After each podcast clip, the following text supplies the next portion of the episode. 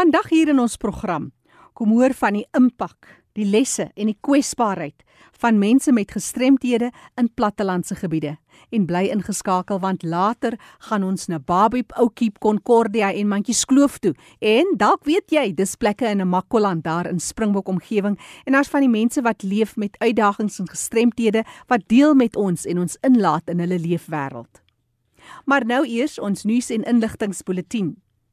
Die Wes-Kaapse Vereniging vir persone met gestremthede is op soek na donasies van doeke, droë kos, produkte vir kospakkies, PPE of persoonlike beskermingstoerusting, produkte vir persoonlike higiëne, komberse al is dit tweedehands, was dit net in plaas van 'n plastiek winterklere, donasies om operasionele koste te dek, veral elektrisiteit, brandstof, voertuigreparasies en telefoonkoste. Jy kan reël vir die afhaal van 'n 18A sertifikaat, dis as jy 'n donasie sou maak. Kontak vir Erika deur middel van 'n e-pos vir verdere inligting. Stuur jou e-pos na awareness@wcapd.org.za.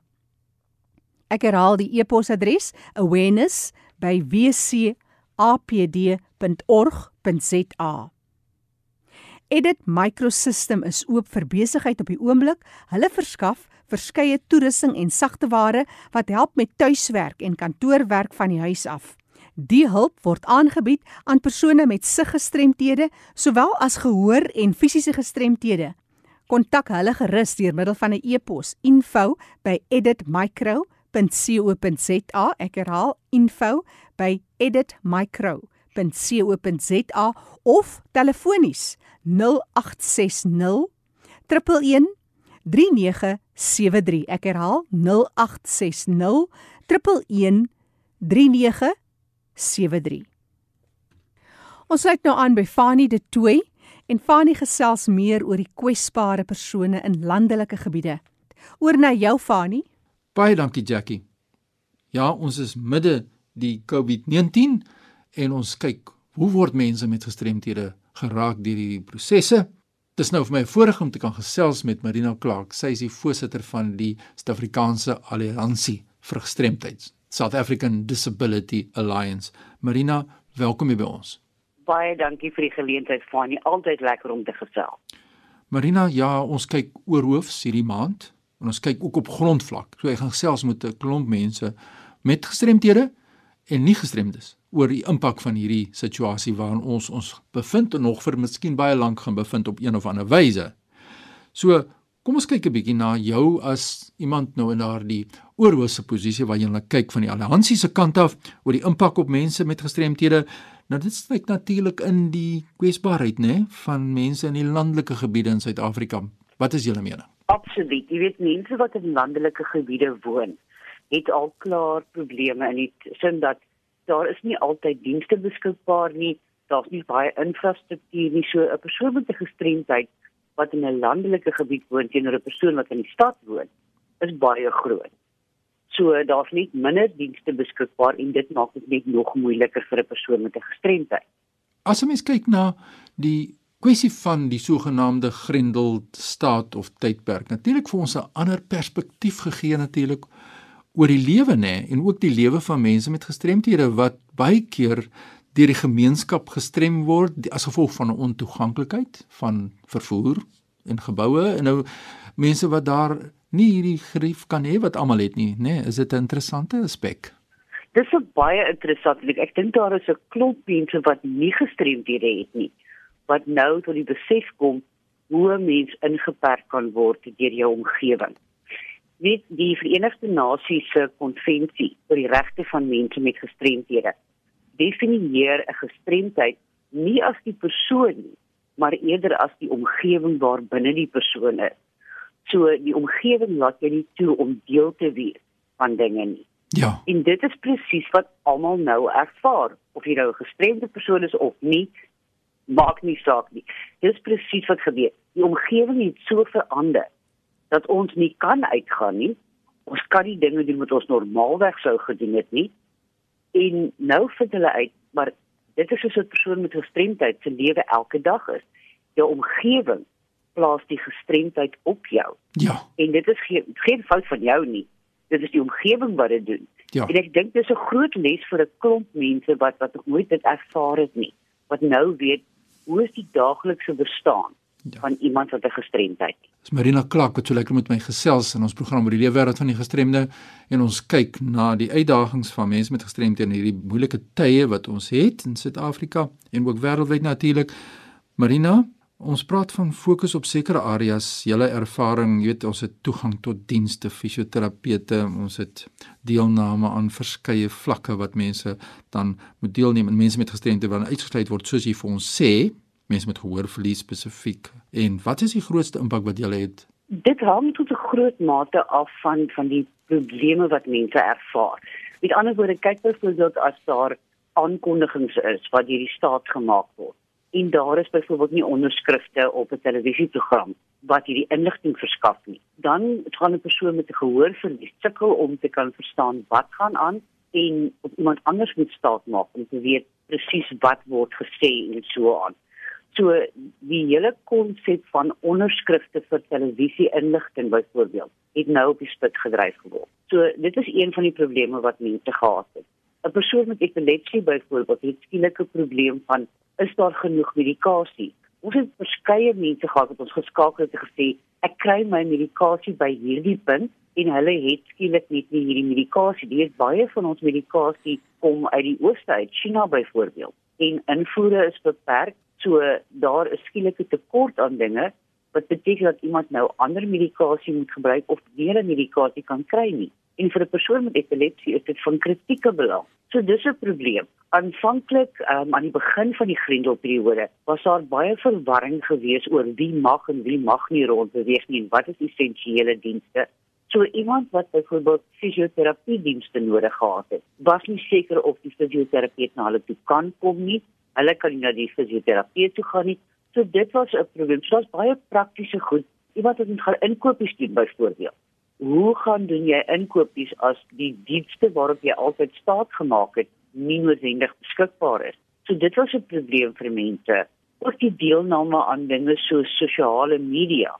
Daar het mense ook gesukkel wat iemand wat in die verlede dit toeganklik kon vind, kan skielik nou nie meer dit hanteer nie. Hulle het nie geld om te betaal vir data nie.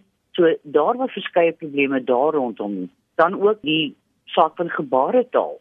Wanneer 'n persoon van die huis af begin werk en dit is 'n dowe persoon, dan moet hulle toegang hê tot gebaretaal. Dit ons het gevalle gehad met vergaderings waar 'n dowe persoon nie kan deelneem nie want niemand in daai persoon se huis kan interpreteer vir hulle nie. Ja. So hulle kan nie deelneem aan dinge soos vergadering op telefoon of 'n vergadering wat op elektroniese platform aangebied word nie. So daar was heelwat probleme. En dan natuurlik weet veral aanvanklik was daar redelik probleme met die uitbetaling van maatskaplike toelaag. Ja. So weer eens het mense met gestremdhede probleem daarmee gehad. So daar was baie praktiese aspekte rondom hierdie hele krisis. Daar's ook nuwe dinge wat ons geleer het wat wat ons baie goed is. Ja, jy weet mense moet ook kyk 'n bietjie perspektief kry. By iemand het iemand vir my geskryf en gesê maar daar's dan nou nuus wat deur stroming op YouTube gekyk kan word met onderskrifte. Nou dis reg so, dis wonderlik as daardie kreatiwiteit na vore kom dat daardie SABC nuus dan deurgaan daarna toe. Maar hoeveel mense het geld om data te kan koop want dit is duur en hoeveel het geld tot internet? So dis aspekte wat mense sommer kan sê maar dis nou die probleem opgelos nie. Die uitsaaier moet sy verantwoordelikheid nakom soos wat in die wetgewing dan daar gestel is. So ek is baie bly jy bring dit na vore. Marina, organisasies wat diens lewer, wat is julle oorhoofse boodskap aan organisasies wat tans nou diens lewer van die alliansie se kant af?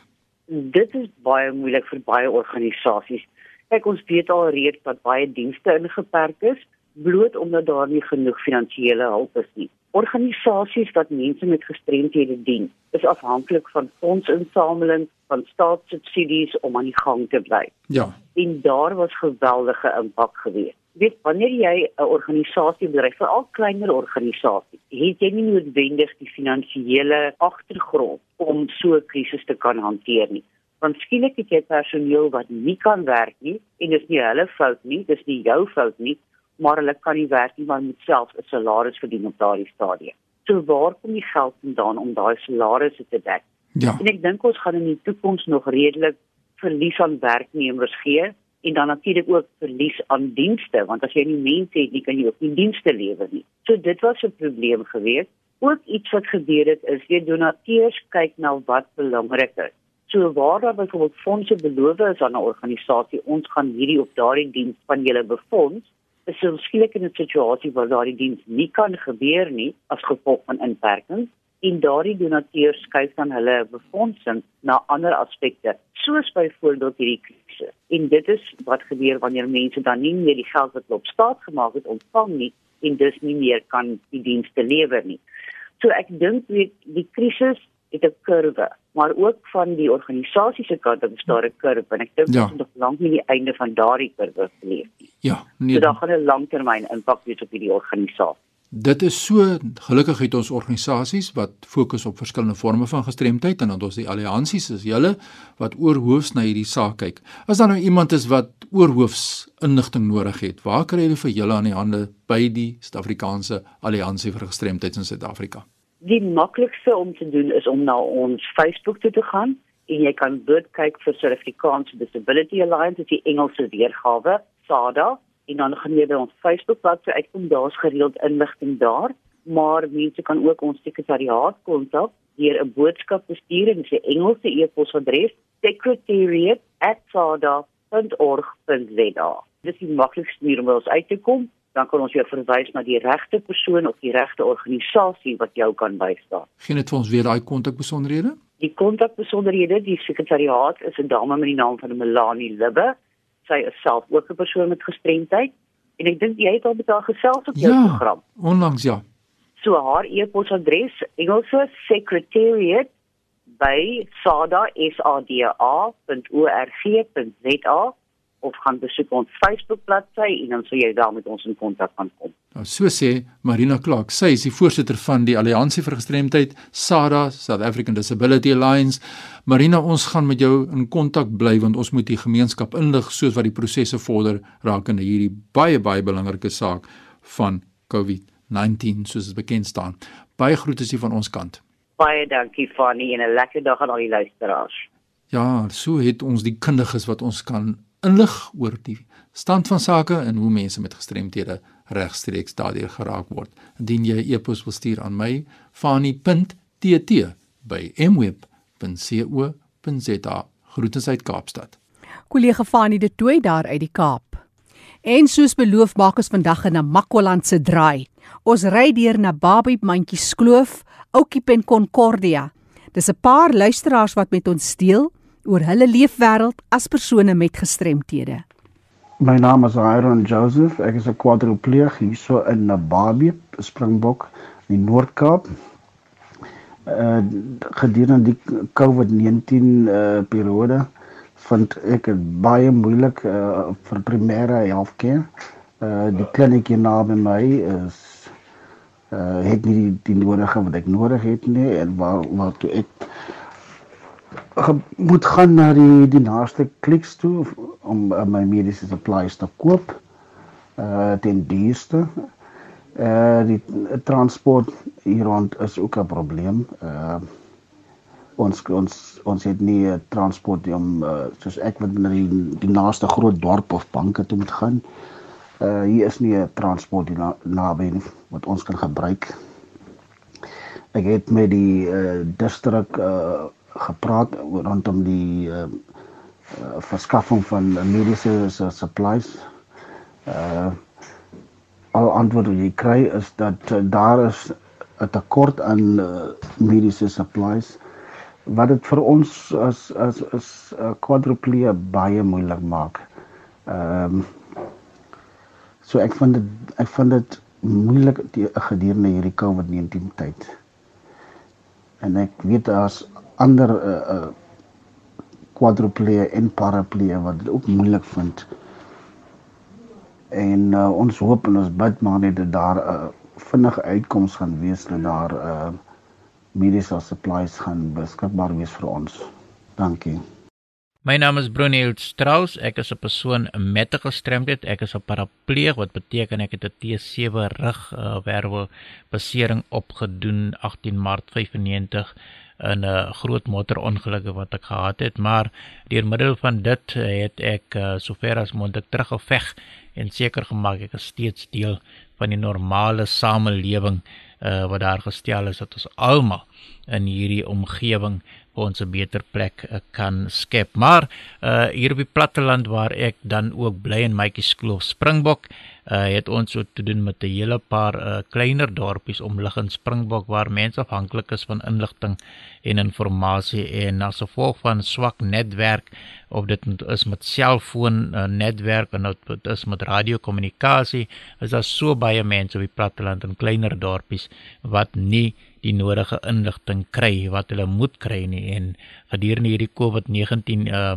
era wat ons nou in is is dit nog meer uh, moeiliker want uh, mense so graag wil gehad het alle inligting en alle inligting met betrekking tot COVID-19 moet almal en elke gemeenskapslid kon bereik het in die breedte en lengte van veral kleiner plattelandse dorpies en plekke waar mense veral met gestremthede 'n beter begrip sou hê wat om te doen gedurende hulle skep van higiëniese omgewing maar ook om na hulle self beter en veiliger na na om te sien. En dit is wat dit soveel uitdagend maak en COVID-19 het uh, teweeg gebring dat uh, ons baie meer op hoogte moet wees van ons omgewing wat ons uh, in is en in ons lewe en wat ons moet doen met die maatreëls wat daar gestel is deur die regering en deur die wêreld gesondheidsorganisasies om net seker te maak dat ons sover as moontlik uh, COVID-19 vry kan probeer wees. Wel, so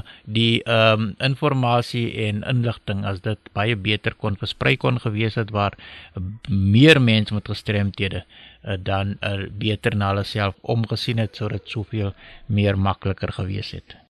Ek is Ricardo Wayne Kermis, gebore Pereliet, maar nou vir die afgelope 3 jaar woonagtig hier in die plattelandse wêreld van Namakwaland in 'n klein dorpie Concordia.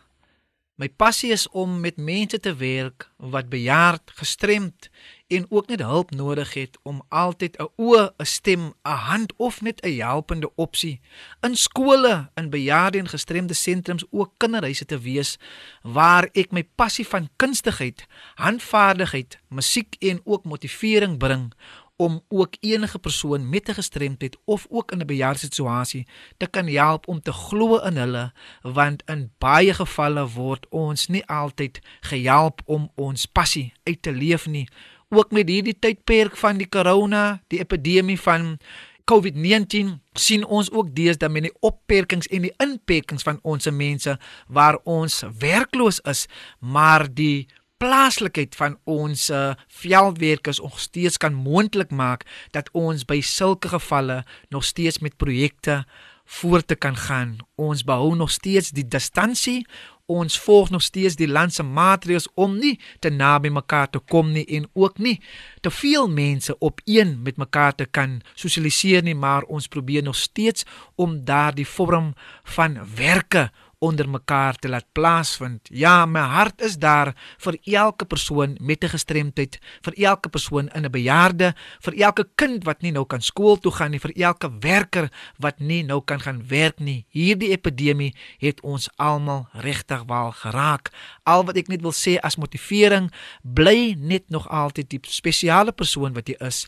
Help nog steeds waar jy kan en maak dit moontlik vir die wat regtig waar daardie helpende hand nodig het. Oral wat ons gaan in Suid-Afrika in elke provinsie en ook in jou gemeenskap waar jy leef maak seker dat jou hand uitstrek na die wat dit regtig nodig het en om sukses te behaal moet ons altyd omgee vir elke persoon in ons gemeenskap in Suid-Afrika met die beroep dat ons almal moet toesien dat niemand in hierdie tydperk swaar hoef te kry nie, maar deel kan wees van 'n samelewing waar omgee en hoop, liefde, verdraagsaamheid en opregtheid deel kan wees van ons almal se lewenswese.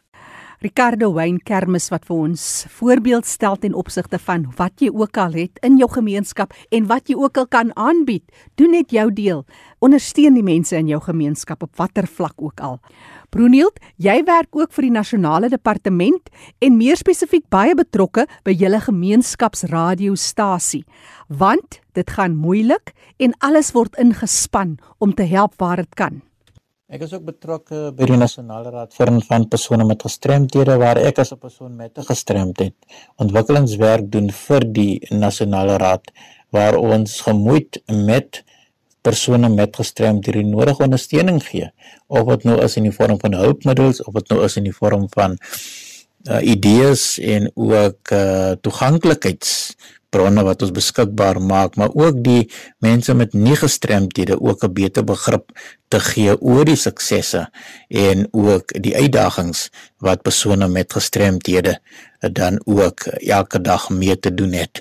En die radio gee ook vir ons die platform om dan hierdie ontwikkelingswerk op 'n gemeenskapsradio basis en 'n gemeenskapsradio platform dit ook deur te gee aan die gewone mens op straat en die gewone persoon op straat om dit te, te, so eenvoudig as moontlik die boodskap oor toeganklikheid vir en van persone met gestremthede deur te dra uh, waarvan die nasionale raad vir en van persone met gestremthede my ook daardie geleentheid bied om myself as 'n persoon met 'n gestremdheid die, die nodigheid mee toe te rus om uh, dan hierdie uh, platform te kan gebruik om dan die nodige inligting en ook uh, stories in 'n baie positiewe lig deur te gee aan die mense met en mense uh met spesiale behoeftes deur te gee. Dit is ook belangrik dat mense met uh gestremdhede ook moet weet van hulle regte en dit is ook waar ek ook 'n daadwerklike rol speel om seker te maak met